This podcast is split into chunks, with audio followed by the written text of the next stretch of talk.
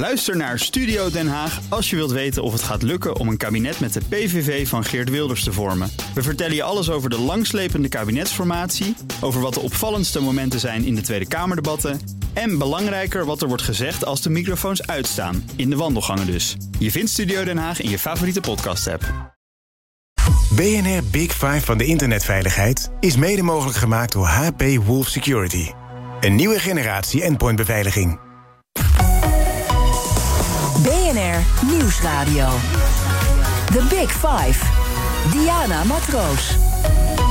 De wereldwijde cyberoorlog is geen ver van mijn bedshow. Het Nederlandse bedrijfsleven zit er middenin. En dus, wat moet je doen om je te wapenen? Dat vraag ik deze week aan vijf top-experts in BNR's Big Five van de cybersecurity. En ik trap deze week af met iemand die zichzelf even voorstelt. Hello, my name is Jarno. I am a technology expert. Ja, Jarno. Ja, dat was ik. Ja. Ja, of dus eigenlijk niet. Want. Nou ja, ja. het is, het is een, het is een voice clone. Hè? Dus ik heb software waarmee ik mijn eh, stem heb gekloond. En eh, met behulp van het toetsenbord kan ik die stem dus van alles laten zeggen. Nou, die gebruik ik voor mijn werk om, om presentatievideootjes mee te maken. Eh, of om mensen op het verkeerde been te zetten. Hè, zodat ze niet meer weten wat is nou echt en wat is nou nep. En dat is dus wat er hier gebeurt, uh, deepfake. Want daar gaan we het uh, met name met jou over hebben. Uh, goed om nog even te zeggen, je volledige naam, Jarno Duursma. Ja. Je bent vaak ook te horen op BNR, dus onze vaste BNR-luisteraar zal jou kennen. Je bent een onafhankelijk tech-expert, trendwatcher, schrijver van verschillende boeken over technologie. En je weet dus alles van deepfakes. Wat fascineert jou daaraan? Een hele goede vraag. Wat mij echt fascineert, en dat is niet alleen in, in, in deepfake, maar in alle onderwerpen die ik aanraak, is dat die scheidslijn tussen echt en nep steeds dunner wordt. Dus dat we steeds moeilijker kunnen bepalen waar kijk ik nu naar? Wat is dit dan? Is het echt of is het nep? Hoe kan ik dat dan zien? Doet dat ertoe? Of het, of het echt of nep is, is dat nog relevant? Of is dat iets, moeten we dat loslaten? Wanneer zouden we dat kunnen loslaten? Wat is echt eigenlijk? Wat is nep eigenlijk?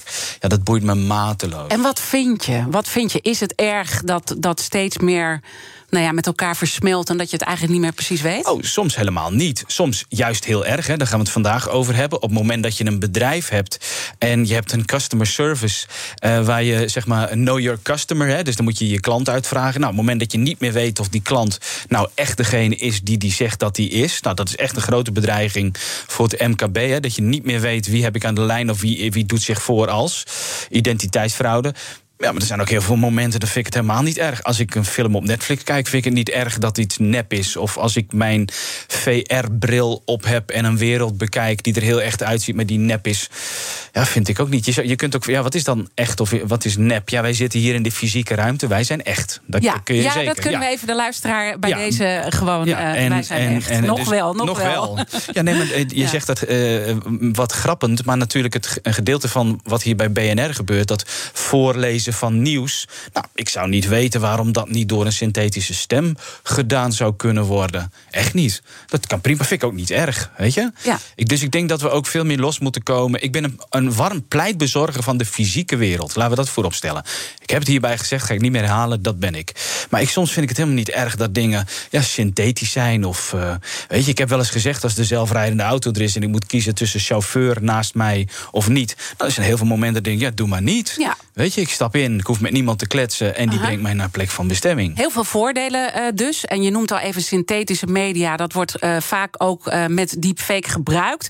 Toch nog even de term deepfake. Een heleboel mensen Mhm. Ja. zullen het wel een keer gehoord hebben. Maar even heel concreet, wat is Ja, het? dan zoom ik een beetje uit en dan noem ik eerst synthetische media. Want synthetische media zijn alle soorten media die gecreëerd zijn door kunstmatig intelligente software. Of waarbij dat soort software een hele grote rol speelt. En synthetische media, dat zijn afbeeldingen, video's, teksten, stemmen, noem maar op. Dus die, die, die range die is heel erg breed. Nou, als mensen vaak spreken over deepfake, dan hebben ze het vaak over gezichtsverwisselingstechnologie. Dus dat je met redelijk makkelijke software het gezicht van één persoon op het lijf van iemand anders kan plakken. Dan wordt er vaak gesproken van deepfake. Ja. Dus is één toepassing. Oké, en dan eh, deze week gaat over cybersecurity. Hoe past dat deepfake binnen het eh, cybersecurity-vraagstuk... als het gaat ook over de problemen waar we het straks ook over gaan hebben natuurlijk? Ja, dan is de kern van, dan is de kern van het antwoord. op het moment dat de scheidslijn tussen echt en nep verdwijnt. en je dus niet meer kunt verifiëren of dat wat je ziet, dat wat je hoort, dat wat je leest. Dus al die uh, mechanismen die we normaal hebben ingebouwd, dat die niet meer zouden kunnen werken. Of een medewerker wordt gechanteerd. Ja, daar hoort identiteitsfraude, reputatieschade. Daar hoort um, dit binnen het domein van. Uh, maar hoe groot is het binnen het hele palet? Nou ja, nu nog niet zo heel erg groot. Uh, dus dat, dat is ergens geruststellend en hebben we nog de tijd.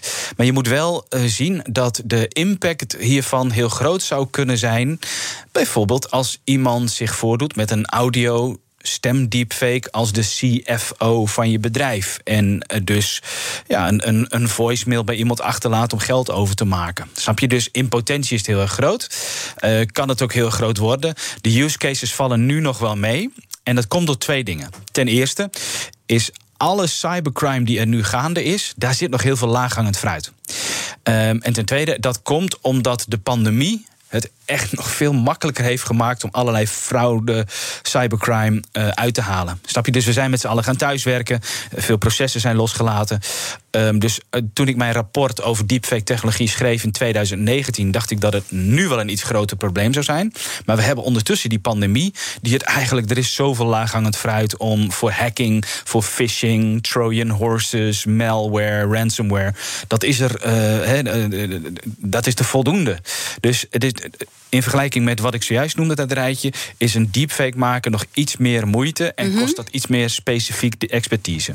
Want we gaan straks meer uh, praten over de impact. Hè. Dan gaan we nog wat meer voorbeelden ook... Mm -hmm. waar het bedrijfsleven ook echt last mm -hmm. van kan hebben. Je noemde net al een mm -hmm. heel treffend voorbeeld. Maar, maar hoe, hoe doe je het? Als je het wil uh, doen, uh, hoe, ja, dus toch nog wel moeilijk om het te maken. Maar leg eens uit, wat heb ik ervoor nodig? Hoe doe ik dat? Oké, okay, dus stel, ik ben crimineel... en ik wil een bedrijf met deepfake ehm, geld afhandig maken. Oké, okay.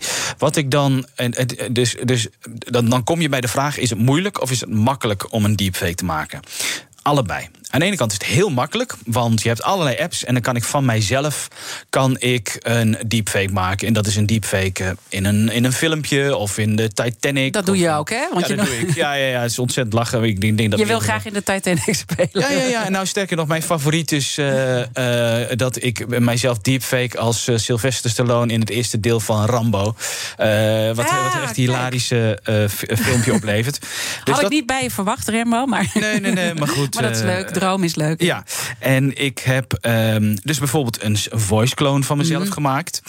Um, he, dus ik lees een script voor en dan uh, die software leert dan hoe mijn stem eruit ziet. En ik heb ook een avatar van, van mezelf gemaakt. Dus ik heb een, een lookalike avatar. Ik ben in een studio geweest, daar heb ik uh, een opname van mezelf. Moest ik ook dingen. En nu hetzelfde. Ik gebruik een toetsenbord en vervolgens een kwartier later heb ik een presentatievideo waarin mijn, mijn nep-avatar met mijn nepstem een video en die legt iets uit. Oké, okay, dat is allemaal makkelijk om te doen. Dat Geen is... ingewikkelde software voor nodig.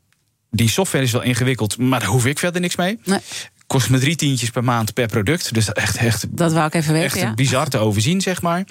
Um, dus om van mijzelf een deepfake te maken, is easy peasy. Um, ik, weet, ik heb hem ook, uh, sterker nog, ik, ik was een tijdje geleden in de nieuwe wereld met Paul van Liemt. Ik stuurde Paul mijn avatar. En uh, het was echt de discussie: is dit nou echt of is dit niet? Nou, um, dus het tweede gedeelte is: is het dan moeilijk om een deepfake te maken van een CFO van een bedrijf? Kijk, dat is een stuk lastiger. Waarom? Je moet eigenlijk op, op het moment dat iemand niet meewerkt, moet je dus goed beeldmateriaal kunnen verzamelen. Je moet eigenlijk ook zorgen dat zo iemand een bepaalde tekst aan uitspreekt, zodat je je software kunt oefenen. Um, en zo zijn er best wel veel criteria om dat te doen. Maar het kan wel. Het kan wel, want, ik, ik want, want, ik, want, dan, want, dan, wil ik toch even een mooi voorbeeld uh, erbij pakken. Iets wat jij de beste uh, vindt, dat is degene van Tom Cruise. Een filmpje op TikTok. En ik zou echt iedereen aanraden om dat te kijken. Want het is ongelooflijk wat we zien. Nee, maar dat is zo. Hè? Dus ik, ik zei ook, het is moeilijk, maar het is niet onmogelijk. Kijk, iemand die. Nee, daar... nee, neem even dat Tom Cruise. Wat, wat, wat, wat zien we? Neem ons even oh, mee. Ja, nou ja, wat je dus ziet, is gewoon een filmpje waarin zeg maar de tussen aanhalingstekens uh, Tom Cruise, de deepfake Tom Cruise. Ja, weet je, hij. En, en, en, en wat met name zo knap is, is dat bij een, bij een oldschool deepfake, als iemand met zijn hand voor zijn gezicht langs ging, dan zag je trilling in beeld. Als iemand een bril of een hoedje opzette, zag je trilling in beeld. Dus de, de gezichtsverwisselingsdeepfake was eigenlijk tot kort best wel makkelijk te herkennen. Maar wat je hem ziet doen, is een zonnebril zie je hem op. Je ziet hem een lolly in zijn mond doen. Je ziet hem allerlei uh, dingen doen. Dus het kan wel degelijk. Hè. Ik ken uh, eh, de jongen die achter het account van Deep Nap. Ik, die, je kent die video waarin bijvoorbeeld Femke Halsema en Hugo de Jonge eh, samen een liedje zingen van Whitney Houston. Of waar Michael van Gerwen is veranderd in uh, Vert Grapperhaus bijvoorbeeld. Ja, die, die, je kunt dat soort video's gewoon maken. Maar je moet iets meer moeite doen. Tegelijkertijd, als je zo'n filmpje kunt maken en de reputatie van een concurrerend bedrijf kunt beschadigen tot op grote hoogte, is dat natuurlijk financieel gewoon eh, best eh, rendabel om te doen. Deze week praat ik met vijf kopstukken uit de wereld van de cybersecurity. Mijn gast vandaag is Jarno Duursma. Hij is trendwatcher en onafhankelijk expert op het gebied van technologie, waaronder deepfakes. En dat is met name wat we eruit lichten. En laten we iets meer inzoomen op de risico's. want je ziet aan de ene kant uh, zie je Tom Cruise, wat dan heel goed is uh, gelukt. En waar je echt naar zit te kijken, dit is hem gewoon. Maar je ziet ook nog wel filmpjes waar dat wat minder is. Queen Elizabeth, daar, daar, daar, daar kan je redelijk doorheen prikken. Dat is, dat is niet echt. Maar toch, die technologie ontwikkelt zich heel erg snel. En, en hoe komt dat dat het zo snel gaat?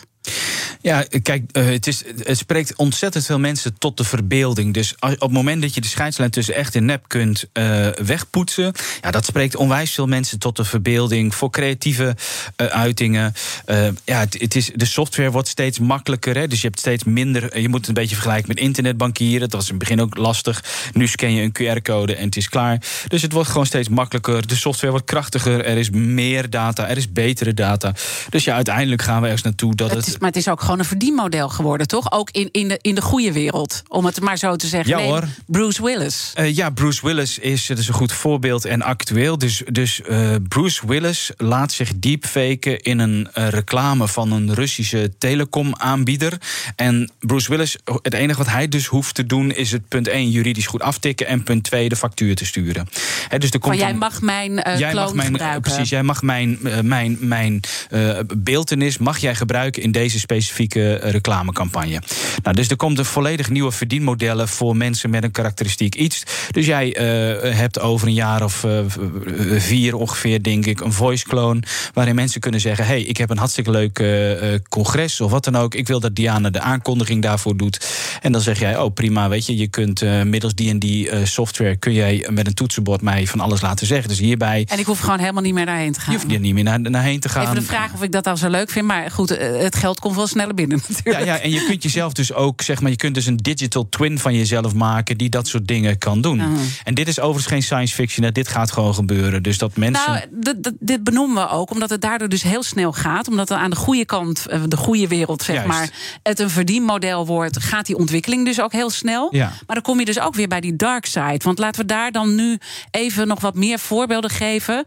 Uh, waar jij je zorgen maakt uh, als het gaat over de negatieve kant van dit verhaal. Oh, dat heel veel. Kijk, op het moment dat die technologie uh, makkelijker wordt in gebruik. en je kunt dus uh, mensen dingen laten zeggen, mensen dingen laten doen. Ja, we hebben het dan over. Punt 1, je zou uh, veel meer sociale onrust kunnen maken. Door ja, Mark Rutte een, een zogenaamd toch iets te laten zeggen. over het vaccineren bijvoorbeeld. Dat een aantal dingen niet bewezen zijn. Daar zou je sociale onrust mee kunnen creëren. Je kan reputatieschade maken door een, een, een, een, een net voor een beursgang van een bedrijf bijvoorbeeld een audio- of videoopname uh, te laten uh, verspreiden. waarin ofwel, ik zeg maar wat, de directeur uh, cocaïne gebruikt. dan wel waarin hij zegt van er zijn veel minder liquide middelen dan gedacht. Weet je, en dan, dan denken mensen toch waar rook is, is, is vuur. Hè? Want um, ik, ik herinner mij nog ontzettend levendig dat tijdens de Amerikaanse verkiezing, de vorige, was, werd een vrouw op straat geïnterviewd. En die um, verslaggever die vroeg: op wie heeft u gestemd? Op Donald Trump. Waarom? Ze zei: Nou, ik zou eerst op Joe Biden stemmen. Maar ik had een filmpje gezien waarin uh, Joe Biden iets zei over socialisme. En toen zei die verslaggever: Wist u dat het filmpje nep was? Ja, zei ze, ik wist dat het filmpje nep was. Maar ik kon het niet meer van mijn netvlies krijgen dat ik Joe Biden iets had gezegd over socialisme. En, omdat ik kan, en daarom heb ik toch maar. Uh, dus, uh, dus dan doet dus het, als je weet dat, dat het nep, is, is, heeft het dus toch invloed. Heeft het dus toch invloed. En dat is net als met reputatieschade. Stel nou dat er een filmpje van mij uh, opduikt uh, waarin ik iets doe wat ik niet gedaan heb, maar wat wel vervelend is of ongewenst. Het feit dat zoveel mensen weten, ja, het is nep, kan toch nog een enorme schade uh, toebrengen. Dus het hoeft niet uh, uh, ineens dat mensen twijfelen. Ook het feit dat je het relatief makkelijk kunt maken en dat mensen weten dat het nep is.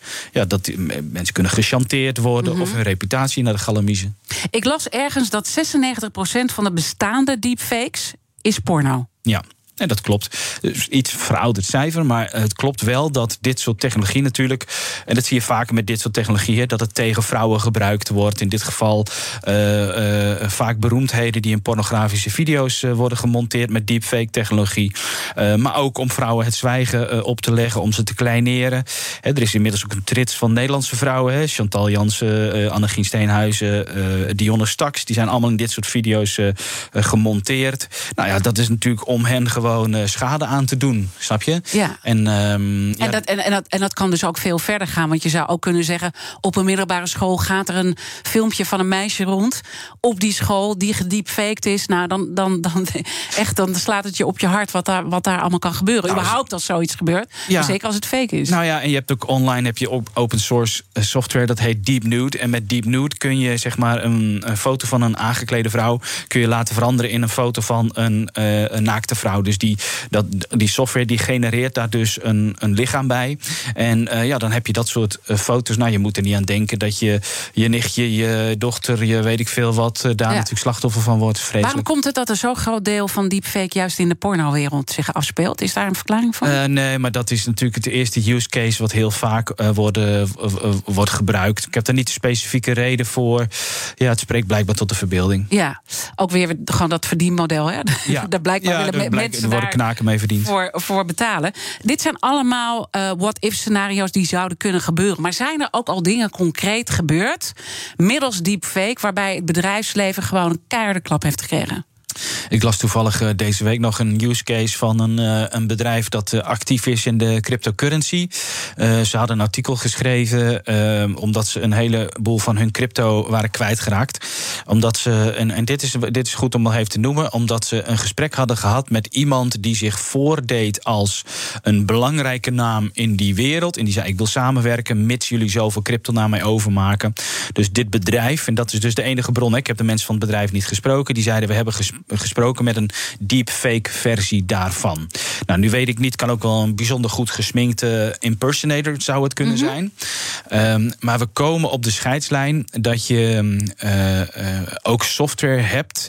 En dat is nog krakkemikkig. Hè, dus dat wil ik erbij zeggen. Je hebt krakkemikkige software waarmee je zeg maar in real time uh, het gevoel hebt dat je met iemand zit te zoomen. Maar diens gezicht verandert dus mee in die foto van die persoon met wie je denkt dat je zit te zoomen. Uh, dus dat ontstaat. Maar dat is wel een gevaarlijk vooruitzicht. Met zeker het feit dat wij zo vaak zitten te zoomen. Ja. Ik bedoel, wij kunnen elkaar hier niet faken dat we, Nee. dat we iemand hebben. Ik Ja. bedoel, dit is wie we zijn. Maar als je dat dus wel. Iedereen die nu achter die zoom zit. Ja. Ja, dat is absoluut hoor. Dat is, dat is echt een gevaar, omdat je daarmee. eh, we zullen dus ook veel meer oldschool manieren moeten bedenken om dat uiteindelijk eh, tegen te gaan. Dus ik was een tijdje geleden bij een heel groot accountantskantoor. Ik zei, ja, misschien moet je gewoon wel oldschool elkaar weer gaan bellen. Weet je, en dan, en dan ook af en toe even een lastige vraag stellen. Dan zeg ik, eh, Diana, eh, de- wij spreken dit. Wat, oh ja, nog even, wat voor kleur overhemd had ik vanmorgen aan? Zoiets, snap je? Dat je even weer zegt Even van... een korte ja, check. Even Ja. een korte check. En dit klinkt een beetje dystopisch, dat is het ook wel. Maar ik zou niet, ik zou nu al niet een belangrijke beslissing in mijn bedrijf nemen op basis van een voicemail, bijvoorbeeld. Er is ook een voorbeeld bekend waarin dus eh, geld afhank- eh, afhandig is gemaakt middels zo'n deepfake voice cloning eh, software. Waarbij een CFO van een bedrijf dus een, een, een, eh, een, een, een voicemailtje kreeg van een CEO. En vervolgens eh, werd er geld overgemaakt. Nou, dat, ik, zou, ik zou ook als journalist bijvoorbeeld, eh, in jouw rol als journalist, zou ik niet meer vertrouwen dat ik een voicemail zou krijgen van een zogenaamd quote-unquote eh, broekzakbelgesprek waarin je iets opvangt. Snap je wat ik bedoel? Ja, ja, ja. Bijvoorbeeld tussen gesprek tussen Jort Kelder en eh, Thierry Baudet. Dat je denkt, oké, wat, wat hoor ik hier? Ik zou ook, dat is ook een goed voorbeeld... ik zou ook niet meer een WhatsApp spraakbericht Ehm, waarin iemand zegt: Hey Diana, ik sta hier bij BNR Nieuwsradio. wat is ook weer de toegangscode? Want hey, ik ben mijn telefoon kwijt en daar stond mijn dinges in.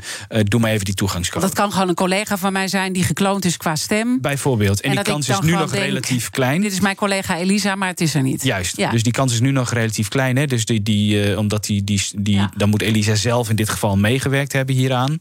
Of ze moeten dus veel moeite uh, gedaan hebben. Maar er zijn dus best wel wat gevallen waarin het al is gebeurd. Uh, maar ik denk dus dat die coronapandemie zoveel laaghangend fruit nog heeft neergehangen voor cybercriminelen. Middels phishing, malware, ransomware. Daar zit nog genoeg om te doen. dat ze nog doen. niet. Maar, maar goed, als we dat wel gaan doen. Ja. Want je zou bijvoorbeeld ook kunnen zeggen toch weer terug op die pornovideo's. Je maakt een CEO maak je in een pornovideo en je zegt: ik ga dit uh, publiceren. Ja. Kan je eventjes uh, 100.000 euro aftikken? Ja, en, en um, dan is het nog maar net de vraag of iemand zijn rug recht houdt uh, en, en, uh, en dat niet doet. Hè. Dus op het moment dat iemand chanta eh, chantabel is, hè, ik, ik doe ook wel eens dingen voor politie of defensie. Ik zeg ja, stel je voor dat er toch één iemand die toch een belangrijke functie heeft in jullie ICT-systeem, een admin, ja, dit die gechanteerd wordt met een vervelende video bijvoorbeeld. Ja, dat, dat is een scenario waar je rekening mee moet mhm, houden. Mhm. Of kijk, en dat is het lastige, en dat wil ik toch even gezegd hebben. Het gaat deze week over cybercrime. Deepfake, uh, synthetische media, is de meest vage vorm. En, en daarmee ook gevaarlijk van cybercrime. Als je je computer wordt geïnfecteerd of je systeem ligt plat, dan weet je. Foute boel, ik moet bedrijf X bellen, want mijn systeem ligt plat. Bij deepfake is dat veel meer als ik, als ik een, een filmpje zie van een politieagent die iets echt heel fouts doet, dan, dan weet ik niet of dat nou fout is of niet. Ik weet niet meer waar ik naar zit te kijken.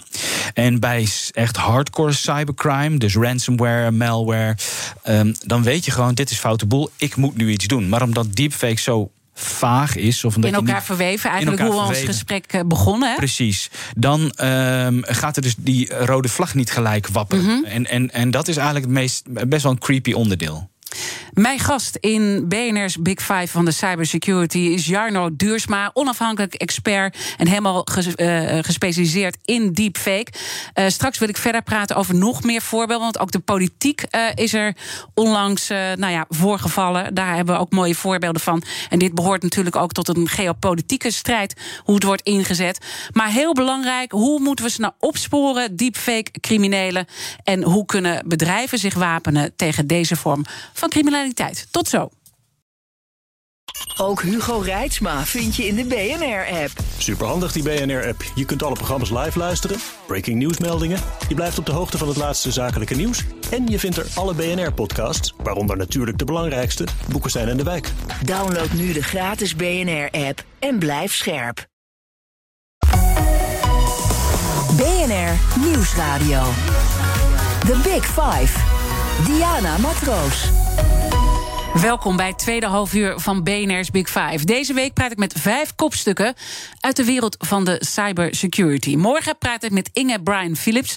Zij is directeur van het cybersecurity bedrijf Fox IT. Een voormalig AIVD'er. Ik praat met haar over de kwetsbaarheden binnen het bedrijfsleven. Maar dat doe ik ook met mijn gast van vandaag. Dat is Jarno Duursma. Hij is trendwatcher en onafhankelijk expert op het gebied van technologie. Waaronder deepfakes, wat we met jou deze week echt er, er, eruit lichten. Um, we hebben al een paar voorbeelden, een paar treffende voorbeelden gegeven waar het uh, fout gaat, fout kan gaan in het bedrijfsleven. Dat het echt niet meer echt een ver van mijn bedshow is. Wat zie je binnen de politiek gebeuren? Want ook de politiek uh, trapt af en toe in deepfakes. Ja, ik denk dat je daarmee refereert aan de zaak Volkov, hè, die, de, stafchef van Navalny. Uh, ja, achteraf bleek echter dat deze meneer geen deepfake was, maar een bijzonder goed gesminkte impersonator. Dus iemand die dat heeft nagedaan. Waar de verwarring zat in deze zaak, eh, is dat deze Volkov. Eh, er dook dus een, een, een, screenshot op van deze Volkov, die stafchef van Navalny. Eh, en eh, die had geprobeerd om contact te maken met allerlei hoge politici in Europa. En Volkov had zelf op zijn Facebook gezegd: Welcome in the era of deepfake. Waarbij hij de suggestie dit is deepfake technologie. Ik vond het al redelijk sterk. Ik dacht, wauw, dan heeft die technologie echt een grote sprong uh, gemaakt. Nou, heel lang verhaal kort. Uh, achteraf bleek het een hele goede uh, impersonator te zijn. Iemand die hem supergoed kon nadoen. En ook Nederlandse politici zijn daarin getrapt. Daar hebben we ook de beelden van kunnen zien. Geloof dat ze na een maand of zo online kwamen. Dus toen bleek van, oké, dit was geen deepfake... maar dit was gewoon iemand die hem goed na kon doen. neemt niet weg dat, dat het dus ook goed is om daar je bewust van te zijn. Maar ehm, wat we in het eerste half uur ook al zeiden... er is dus nu ook software dat je op je webcam kunt installeren. En dat, nogmaals, dat werkt nog een beetje krakkemikkig, zeker niet geloofwaardig. Maar waarbij ik uh, foto's kan uh, uploaden, bijvoorbeeld van Mark Rutte. En uh, dan lijk ik op Mark Rutte terwijl ik achter de webcam zit. Dus er is al wel wat mogelijk. ik verwacht ook dat die technologie beter wordt. Mm -hmm. en wat nog even leuk is om te vermelden, ik denk een anderhalf jaar geleden is er een onderzoek geweest met Sibrand Buma. Sibrand Buma, toen nog fractievoorzitter eh, CDA, die uh, was gediepfaked. En toen maakte hij een grapje over Jezus Christus. En dat was een Oei. deepfake. Ja. ja. En er werd aan zijn achterban uh, werd, er iets, werd dat filmpje getoond. En uh, toen bleek wel degelijk dus dat zo'n deepfake filmpje echt een impact heeft hoe mensen naar Sibrand Buma uh, keken. En uit mijn hoofd was echt maar 1 of 2 procent van de mensen die het filmpje zagen, en dat is al twee jaar geleden, die zeiden: Oh, volgens mij is het niet echt. Snap je? Dus ehm, punt 1. Dus de reputatie van iemand kan wel degelijk beïnvloed worden door zo'n filmpje. En jij hebt eerder gezegd, op het moment dat je dan toch weet dat het niet waar is, dat het toch je, je beeld al heeft beïnvloed. Dus... Nou, dat zou helemaal interessant zijn. Dat je dus die mensen die het filmpje hebben gezien en die dan achteraf te horen krijgen: dit is nep, in hoeverre blijft dat beeld dan hangen? Daar is geen onderzoek naar gedaan. Tenminste, niet dat ik dat uh, weet. Maar um, die mensen zijn allemaal ondervraagd. En daaruit bleek dan toch dat dus de beeldvorming van, uh, van met name hem als persoon, van de partij viel het wel mee, maar met name van hem als persoon negatief beïnvloed was door dat filmpje. Oké, okay, dus, dus uh, je hebt uh, zoveel voorbeelden gegeven. Wat moeten we doen? Even naar het bedrijfsleven. Wat zou je het bedrijfsleven adviseren te doen om, om hier goed mee om te gaan? Ja, het meest makkelijk is natuurlijk bewust zijn dat dit soort technologie de kop opsteekt. He, dan hoef je niet gelijk in paniek door de gangen te gaan rennen en te schreeuwen. Maar uh, zet het dus op de kaart um, en, en bedenk eens wat zijn de scenario's die zouden kunnen gebeuren. Nou, ik heb een heel rapport over deepfake geschreven. Die kun je gewoon gratis op mijn website downloaden. Staan al die dingen in. Loop ze eens bij langs en zeg: Oké, kan dit bij ons gebeuren? krijg je ermee te maken, dan zijn er um, uh, bedrijven, um, in Nederland ook, in Nederland heeft best goede reputatie, die hier mee helpen. En die uh, video's kunnen analyseren, is dit nou echt of is dit nou nep? Dus als je daar twijfel over hebt, dan biedt de technologie gewoon uitsluitsel. -hmm. En zorg dus intern ook voor je medewerkers dat ze op de hoogte kunnen zijn van: oké, sommige van die audio of van die video's die kunnen gewoon nep zijn. Dus de eerste stap is gewoon awareness. En de tweede stap is: weet welke professionals je wanneer moet inhuren ja. om dat te En dan wil ik je toch even vragen, AI-hoogleraar Max Weling, die zegt: uh, deepfakes worden op, op een gegeven moment zo goed dat ze ook niet meer met technologie te de detecteren zijn. Ja, dat is waar. En daar heeft hij helemaal gelijk in.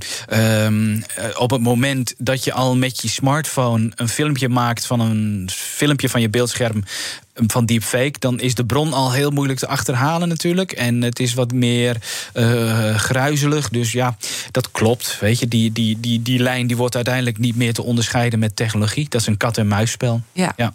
Maar toch, als je nu zou kijken, waar zou je op moeten letten, waardoor je misschien toch uh, kan zien dat het fake is? Ja, um, voor een voorafgenomen, vooraf opgenomen filmpje is dat dus al heel lastig. Want mm -hmm. die scheidslijn is relatief dun. Uh, in real time kun je nog kijken zitten er vreemde schaduwen op het gezicht van deze persoon? Um, of of uh, bij de haargrens of bij de oren uh, zie ik daar onregelmatigheden in, in het geval van een gezicht. In het geval van een gestemde kloon uh, klinkt het op de achtergrond een beetje als autotune. Hè, wat we van, ja, dat hoorden we ook bij de intro met ja, jouw eigen ja, kloon. Met mijn eigen kloon. Ja. Er zit nog een beetje autotune, share do you believe in love-achtige geluiden. dus daar herken je het dan een beetje aan. Nou, mocht je nou toch echt nog twijfelen, kun je altijd vragen aan iemand: uh, druk even met twee vingers op de wangen van je gezicht en draai even op je stoel. Nou, dan val je sowieso door de mand in real time. In real time. Maar ja. niet dus bijvoorbeeld met dat Tom Cruise filmpje. Iedereen gaat even kijken, deepfake Tom Cruise. Dan zie je dat hij ook struikelt en uh, oest. En het ziet er gewoon allemaal heel echt En een kooltrui over zijn gezicht. Uh, ik heb van Diepnep eh, Bob de Jong, die jongen die, die doet dat hier in Nederland. Die, ja, die maakt van zichzelf een Morgan Freeman. Nou, hij is gewoon een, een, een, een, een blanke jonge man. En die verandert vervolgens in Morgan Freeman. Nou, het is ook bijzonder om te zien wat dat met deepfake mm kan. Dus het is een kwestie van, van tijd. Alleen voetnoot daarbij, die Morgan Freeman, daar, daar gaat gewoon wel veel tijd in zitten. Maar als je eigenlijk ervan uitgaat dat ook weer eventjes die AI-hoogleraar die zegt op een gegeven moment kan je het gewoon niet meer detecteren. Omdat die technologie uh, zo goed wordt met, met die fakes. Dan moet je dus andere dingen gaan inbouwen. Aan welke andere dingen? Je had net al het voorbeeld van het accountantskantoor die gewoon weer even een telefoontje doet zelf. Om even te dubbelchecken. Maar heb je meer van dat soort dingen die, we zouden, die bedrijven zouden kunnen doen? Ja, kijk, je kunt natuurlijk uh, op het moment, kijk, stel iemand wil mij een loer draaien en er komt iets, uh, überhaupt al, er komt een Zoom-link binnen. Dan een van de eerste dingen die ik check, hey, wat is het e-mailadres? Hey, komt dat bijvoorbeeld betrouwbaar over? Correspondeert dat met het e-mailadres van dat bedrijf? Dat zou ik kunnen kijken. Hey, ik zou spreken met andere mensen uh, die deze persoon bijvoorbeeld kennen. Kijk, heel concreet voorbeeld. Ik heb meegekeken met de NOS Skype-gesprek tussen de echte Volkov en de NOS-journalist. Die wilde weten rondom de, mhm. de, ophef. Wat ik toen gedaan heb, ik heb gewoon op YouTube een aantal van de video's gekeken van hoe die Volkov er in het echt uitzag. En dat heb ik opgeschreven. Dus ik weet bijvoorbeeld, hij had relatief grote oren. Hij had uh, één voortand stond een beetje scheef. Nou, zo had ik drie, vier dingen opgeschreven. Zodat ik wist, oké, als ik daar straks naar kijk, ja. dan kan ik zien of dat, dat echt wel, Dat gaat wel heel ver als je dat moet gaan doen. Hè? Bedoel, maar je, moet ook niet voor, je moet het niet voor ieder gesprek doen. Zeg maar, op het moment dat je denkt: oké, nu hangt er even iets van af. Of ik, mhm. ben, ik ga, uh, net zoals die jongens die die crypto-tokens hebben overgemaakt. Ik ga nu uh, eh, 30.000 dollar aan crypto-tokens overmaken. Nou, dan zou ik dat soort dingen uh, checken. Ja. Zou je niet ook een soort uh, code aan je video kunnen hangen van dit is een echte video? Dat je eigenlijk een soort beveiligingsslot waardoor we dingen kunnen herkennen. Ja, ja dat kan. Uh, je kunt natuurlijk bestanden gewoon watermerken. Je kunt um, um, met, met, een soort blockchain technologie kun je er dan voor zorgen dat alles een soort timestamp krijgt of een, of een watermerk. Daarmee kun je uh, zaken verifiëren dat ze ook daadwerkelijk uit die bron afkomstig zijn mm -hmm. als wat je met z'n allen hebt afgesproken. Maar je moet vergeten, eh, het, het gaat toch nooit waterdicht worden. Weet je, de zwakste schakel zit bij de mens. Mhm. Technologie kan ons helpen. Maar ja, weet je, eh, daarom is het goed dat iedereen zich ervan bewust is dat dit bestaat. En dat het in, in, de, in de toekomst eh, een gevaar kan opleveren. Maar in je bedrijf zelf moet je heel erg gaan investeren hierin door bepaalde software aan te gaan schaffen als je een groot bedrijf bent. Of moet je kritisch gaan kijken hoe je bepaalde gegevens zelf opslaat? Ja, ik denk dat het heel goed is. Ik denk nogmaals, het begint bij de mens. Dus ik zou een, een, een, een, een als ik als ik een groot bedrijf had, zou ik een online training laten maken. En, en die, en waarin de risico's worden uitgelegd, waar mensen goed kunnen meekijken. Oké, hoe ziet dat eruit? Of hoe klinkt dat? In welke situaties zou dat dan kunnen voorkomen? En op het moment dat, dat je mensen al bewust hebt dat dat kan, ja, dan kun je nog een keer in technologie gaan investeren. Uh, er zijn ook bedrijven uh, die, dat, uh, die dat doen. Maar ik zou dat niet hals over kop doen. Mm -hmm. het is, het is... Maar biomedische toegang bijvoorbeeld, waar steeds meer bedrijven gebruik van maken? Ja, of juist niet. Hè. Dus er zijn nu bedrijven, ja, die spreek ik, en die hebben dan bijvoorbeeld biometrische toegang met stem tot een, uh, een plek. Maar als je stem natuurlijk gekloond kan worden, ja, wie zegt mij. De, het is sowieso redelijk dom om biometrische data op te slaan. Daar ben ik nooit geen fan van. Want je weet nooit mhm. wie, wanneer, dat waar, eh, met welke uh, middelen kan gebruiken. Um, dus ik zou um, um, common sense bij je medewerkers ten eerste. En ten tweede, op het moment dat je denkt, nu wordt het serieus, mhm. zou ik daar professionals voor inhuren. We zijn natuurlijk ook allemaal individuen die uh, nou ja, ook uh, thuis zitten en uh, daar ook allerlei technologie hebben. En daar had onze gast van afgelopen vrijdag een hele mooie vraag bij. dat was mijn collega Art Rooijakkers in BNR's Big Five van de woningcrisis. Die sprak met woningmarktanalist Maartje Martens. En Maartje had deze vraag voor jou. Mijn vraag is: van mijn Ziggo-provider kreeg ik ongevraagd afgelopen week een smart wifi cadeau.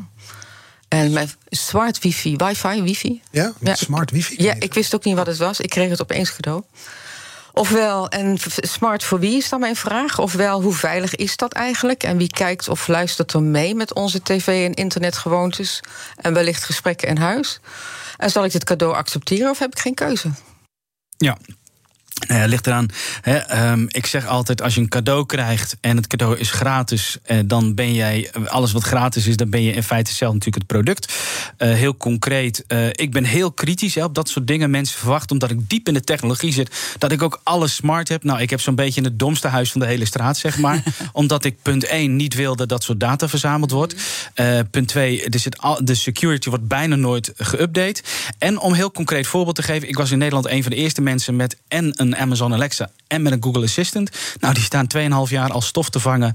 Waarom? Niet omdat ik denk dat ze meeluisteren, daar ben ik niet zo bang voor. Maar vooral omdat ze mijn stem als data verzamelen. En dat je dus niet over vijf jaar weet. wat ligt er nou in jouw stem verankerd. waar je zelf niet van weet. maar waar we die slimme AI-systemen wel iets van kunnen pakken. Ehm, en ik wil niet dat die, die grote techbedrijven. dus mijn biometrische data gaan gebruiken. om hun systeem te trainen. waarvan ik dus niet weet uiteindelijk met welke commerciële doeleinden dat wordt uh, uitgevoerd. Omdat je ook weet dat dit is geen ver van mijn bedshow meer. Dit is heel reëel. Nee, nee. Mensen, als je zit te luisteren en je gebruikt een Google Assistant of Amazon Alexa. Als ik jou was, zou ik er gewoon echt mee stoppen. Sterker nog, stop er gewoon mee. Want we weten niet welke, uh, wat voor Pandora's box dit is. En waar we de grote techbedrijven rijk mee maken. Duidelijke taal. Zometeen praat ik verder met Jarno Duursma over uh, cybersecurity en dan met name deepfakes. Maar eerst even naar mijn collega Kees Dorrestein. Zometeen BNR breekt. Waar ga je het over hebben? Ja, ik ga het hebben over een discussie die veel bedrijven zullen voeren. Verwacht ik in ieder geval in de, in de toekomst.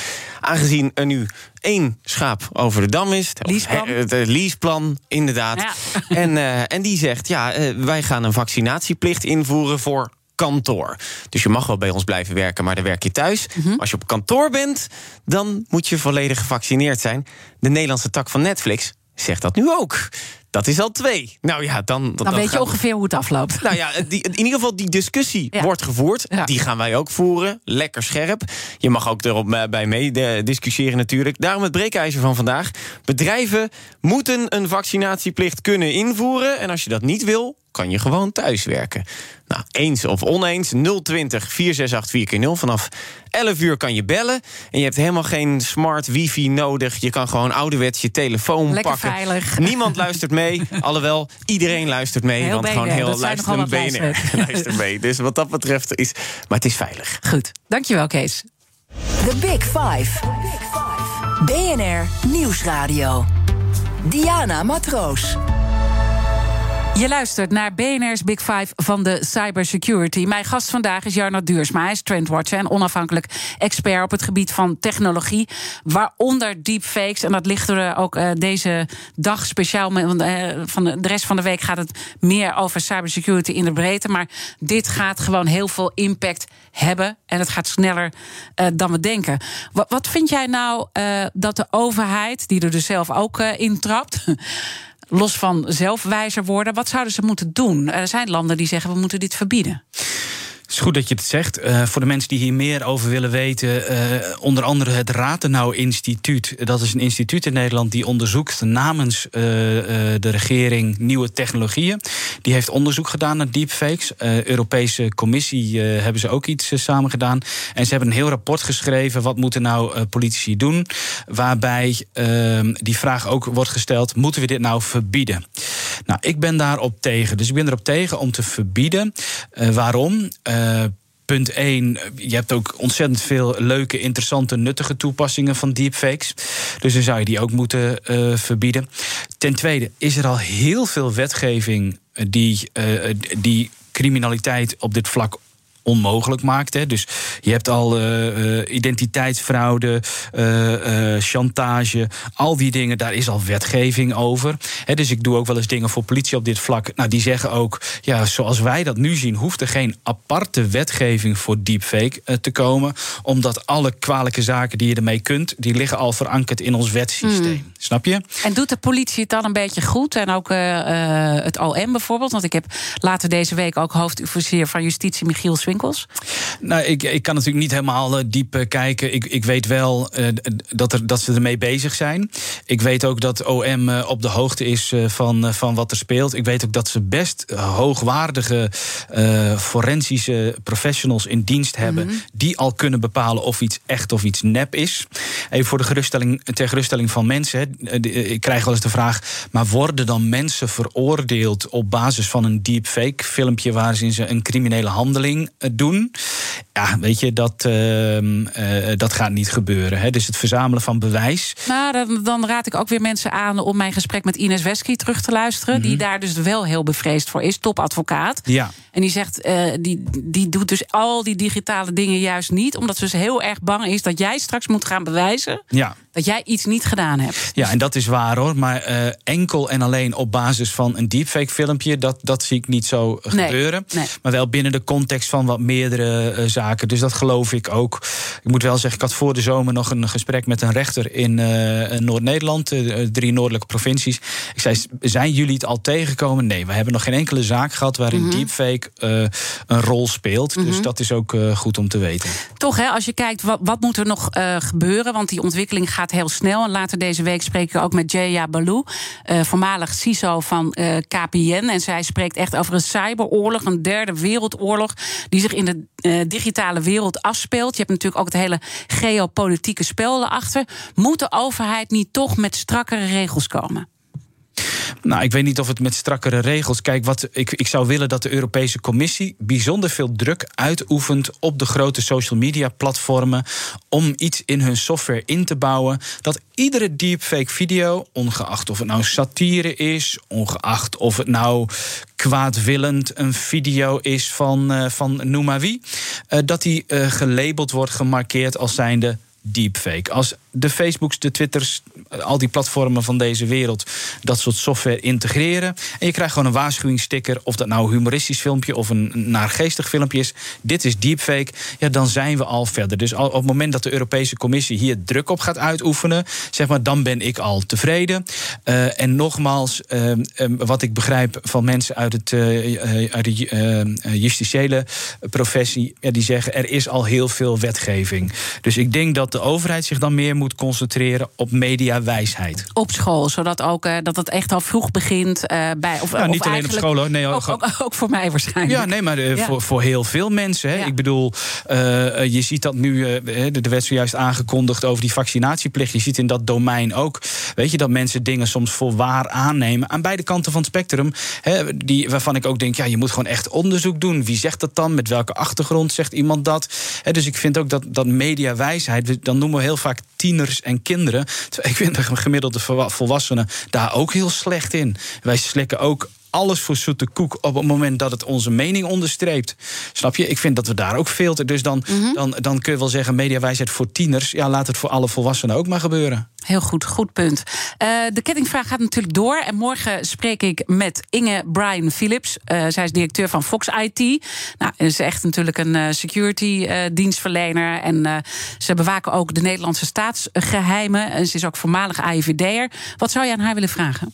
Nou, ik heb een uh, vraag over uh, het onderzoek van Follow the Money van een tijdje geleden, waarin uh, werd uit de doeken gedaan hoe Fox IT een paar jaar geleden aan regimes in het Midden-Oosten surveillance software probeerde te verkopen, waarmee die ze tegen hun burgers zouden kunnen gebruiken. Er is niet overgegaan tot verkoop, maar Fox IT heeft later ook toegegeven, volgens mij, dat dat daadwerkelijk is gebeurd. Het aanbieden van dat soort producten. Nu las ik een interview met Inge, waarin ze letterlijk zei: het Fox IT van nu is niet meer het Fox IT van toen. En ik ben dan nieuwsgierig. Hoe heeft die omslag plaatsgevonden? En wanneer heeft die omslag plaatsgevonden? Was dat gelijk nadat ze uh, mensen erachter waren gekomen? Dit soort software wordt aangeboden aan uh, Assad van Syrië. Dat moeten we niet doen. Of is dat pas sinds haar aantreden? En hoe heeft ze dat dan gedaan? Daar ben ik heel nieuwsgierig naar. Hele mooie vraag, er zeker vragen. We. Ik zie uh, op de klok, nou, nog drie minuten. En wat ik heel graag, want je hebt ons hele uh, goede voorbeelden gegeven voor het bedrijfsleven, voor de overheid. Toch nog eventjes op die toekomst en weer even mooi rondmaken met ons begin. Alles gaat steeds meer door elkaar lopen. Uh, de feitelijkheden, wat waar is en wat niet waar is. Mensen kunnen ook wat waar is, kunnen ze zeggen het is fake. Uh, je noemt dat ook wel infocalips. Kan je daar nog iets over uitleggen wat er nog op ons afkomt? Nou ja, wat, wat je uiteindelijk zult zien op het moment dat deze technologie zich verder ontwikkelt, dan um, krijgen we continu twijfel over wat zie ik, is dat echt gebeurd? Wat hoor ik, heeft iemand dat echt gezegd? Uh, de, daarin zul je ook zien. Hè, kijk, onze grootste vijand in fake news is confirmation bias. Het feit dat we gewoon heel graag consumeren wat onze mening onderstreept. En dat we in dat opzicht uh, ja, dan is deepfake gewoon een tool die dat zal bewerkstelligen. Dus er zullen mensen video's maken over de voorstanders of de tegenstanders. En die passen precies in dat plaatje, waardoor we nog meer polariseren. En wat ik gewoon enorm uh, uh, mis daarin, en waar, waar ik dus zorg heb dat deepfake daaraan bijdraagt, is die polarisatie tussen verschillende groepen. En een heet hangijzer nu is vaccineren, maar je hebt het ook over jong en oud en bijvoorbeeld de woningmarkt, waar jij en ik aan, voor de uitzending even over hadden. Er zijn heel veel van die thema's waarin polarisatie ons ver wegbrengt van die, van die gezamenlijkheid. En ik, ik, dat is eigenlijk mijn grootste eh, bron van zorg. dat we met z'n allen niet meer bereid zijn om naar elkaar te luisteren, omdat we helemaal in onze eigen uh, uh, plek zijn waar we alleen nog maar onszelf geloven. Mhm. Dus die tools die gaan er komen, voice cloning software. Ja, maar ook gewoon het twijfelen. We gaan ook allemaal aan, aan, aan ja, onszelf en aan elkaar twijfelen. Ja, maar dat vind ik op zich niet zo erg. Op het moment dat die twijfel. Maar, want ik vind nu ook, ik vind twijfel vind ik fantastisch. Ik vind ook uh, echt heel goed dat sommige mensen twijfel hebben mm -hmm. over de coronamaatregelen, over, over het vaccineren. Ja, twijfel er maar op los. Want dat betekent dat je open staat voor alles en iedereen. Dat je dus echt je eigen mening vormt. Dus ik vind dat twijfel niet zo erg. Als je altijd maar blijft kijken wie is de ander. Als je altijd uh, de, de verbinding wil maken. En, en de toekomst die gaat veel meer over dat we verbinding moeten maken, ook in de post-corona samenleving, op dat onzekere. We weten het gewoon niet. We weten steeds minder. Laten we continu de hand naar elkaar uitsteken. Oh ja, we weten het eigenlijk niet. We doen maar wat. We proberen maar wat. Maar laten we dus verbinding zoeken in een tijdperk van continue onzekerheid. Waarbij we niet meer weten wat echt of wat nep is. Maar waar we dus ook bereid zijn om elkaar continu te blijven zien. Ja, dat zou ik echt het mooiste vinden dat van, van deze ontwikkelingen uiteindelijk zou, terecht zou komen. Dus eigenlijk de, de, de ons fysieke eh, dat we dat eigenlijk groter gaan maken om deze ontwikkeling Juist. bij te kunnen ja, En ook zien, weet je, iedereen is mens. Niemand weet het. Iedereen is, is, is, is gespannen. Dus we moeten gewoon met z'n allen continu luisteren en de hand naar elkaar uit blijven steken. Ik eh, ben blij dat ik geluisterd heb naar jou vandaag. En de luisteraar ook, Jarno Duisma. Dank je wel. Niks te danken. BNR Big Five van de cybersecurity is mede mogelijk gemaakt door HP Wolf Security. Een nieuwe generatie endpoint beveiliging. Ook Bas van Werven vind je in de BNR-app. Ja, je kunt live naar mij en Iwan luisteren tijdens de ochtendspits. Je krijgt een melding van Breaking News. En niet alleen onze podcast Ochtendnieuws, maar alle BNR-podcasts vind je in de app. Download nu de gratis BNR-app en blijf scherp.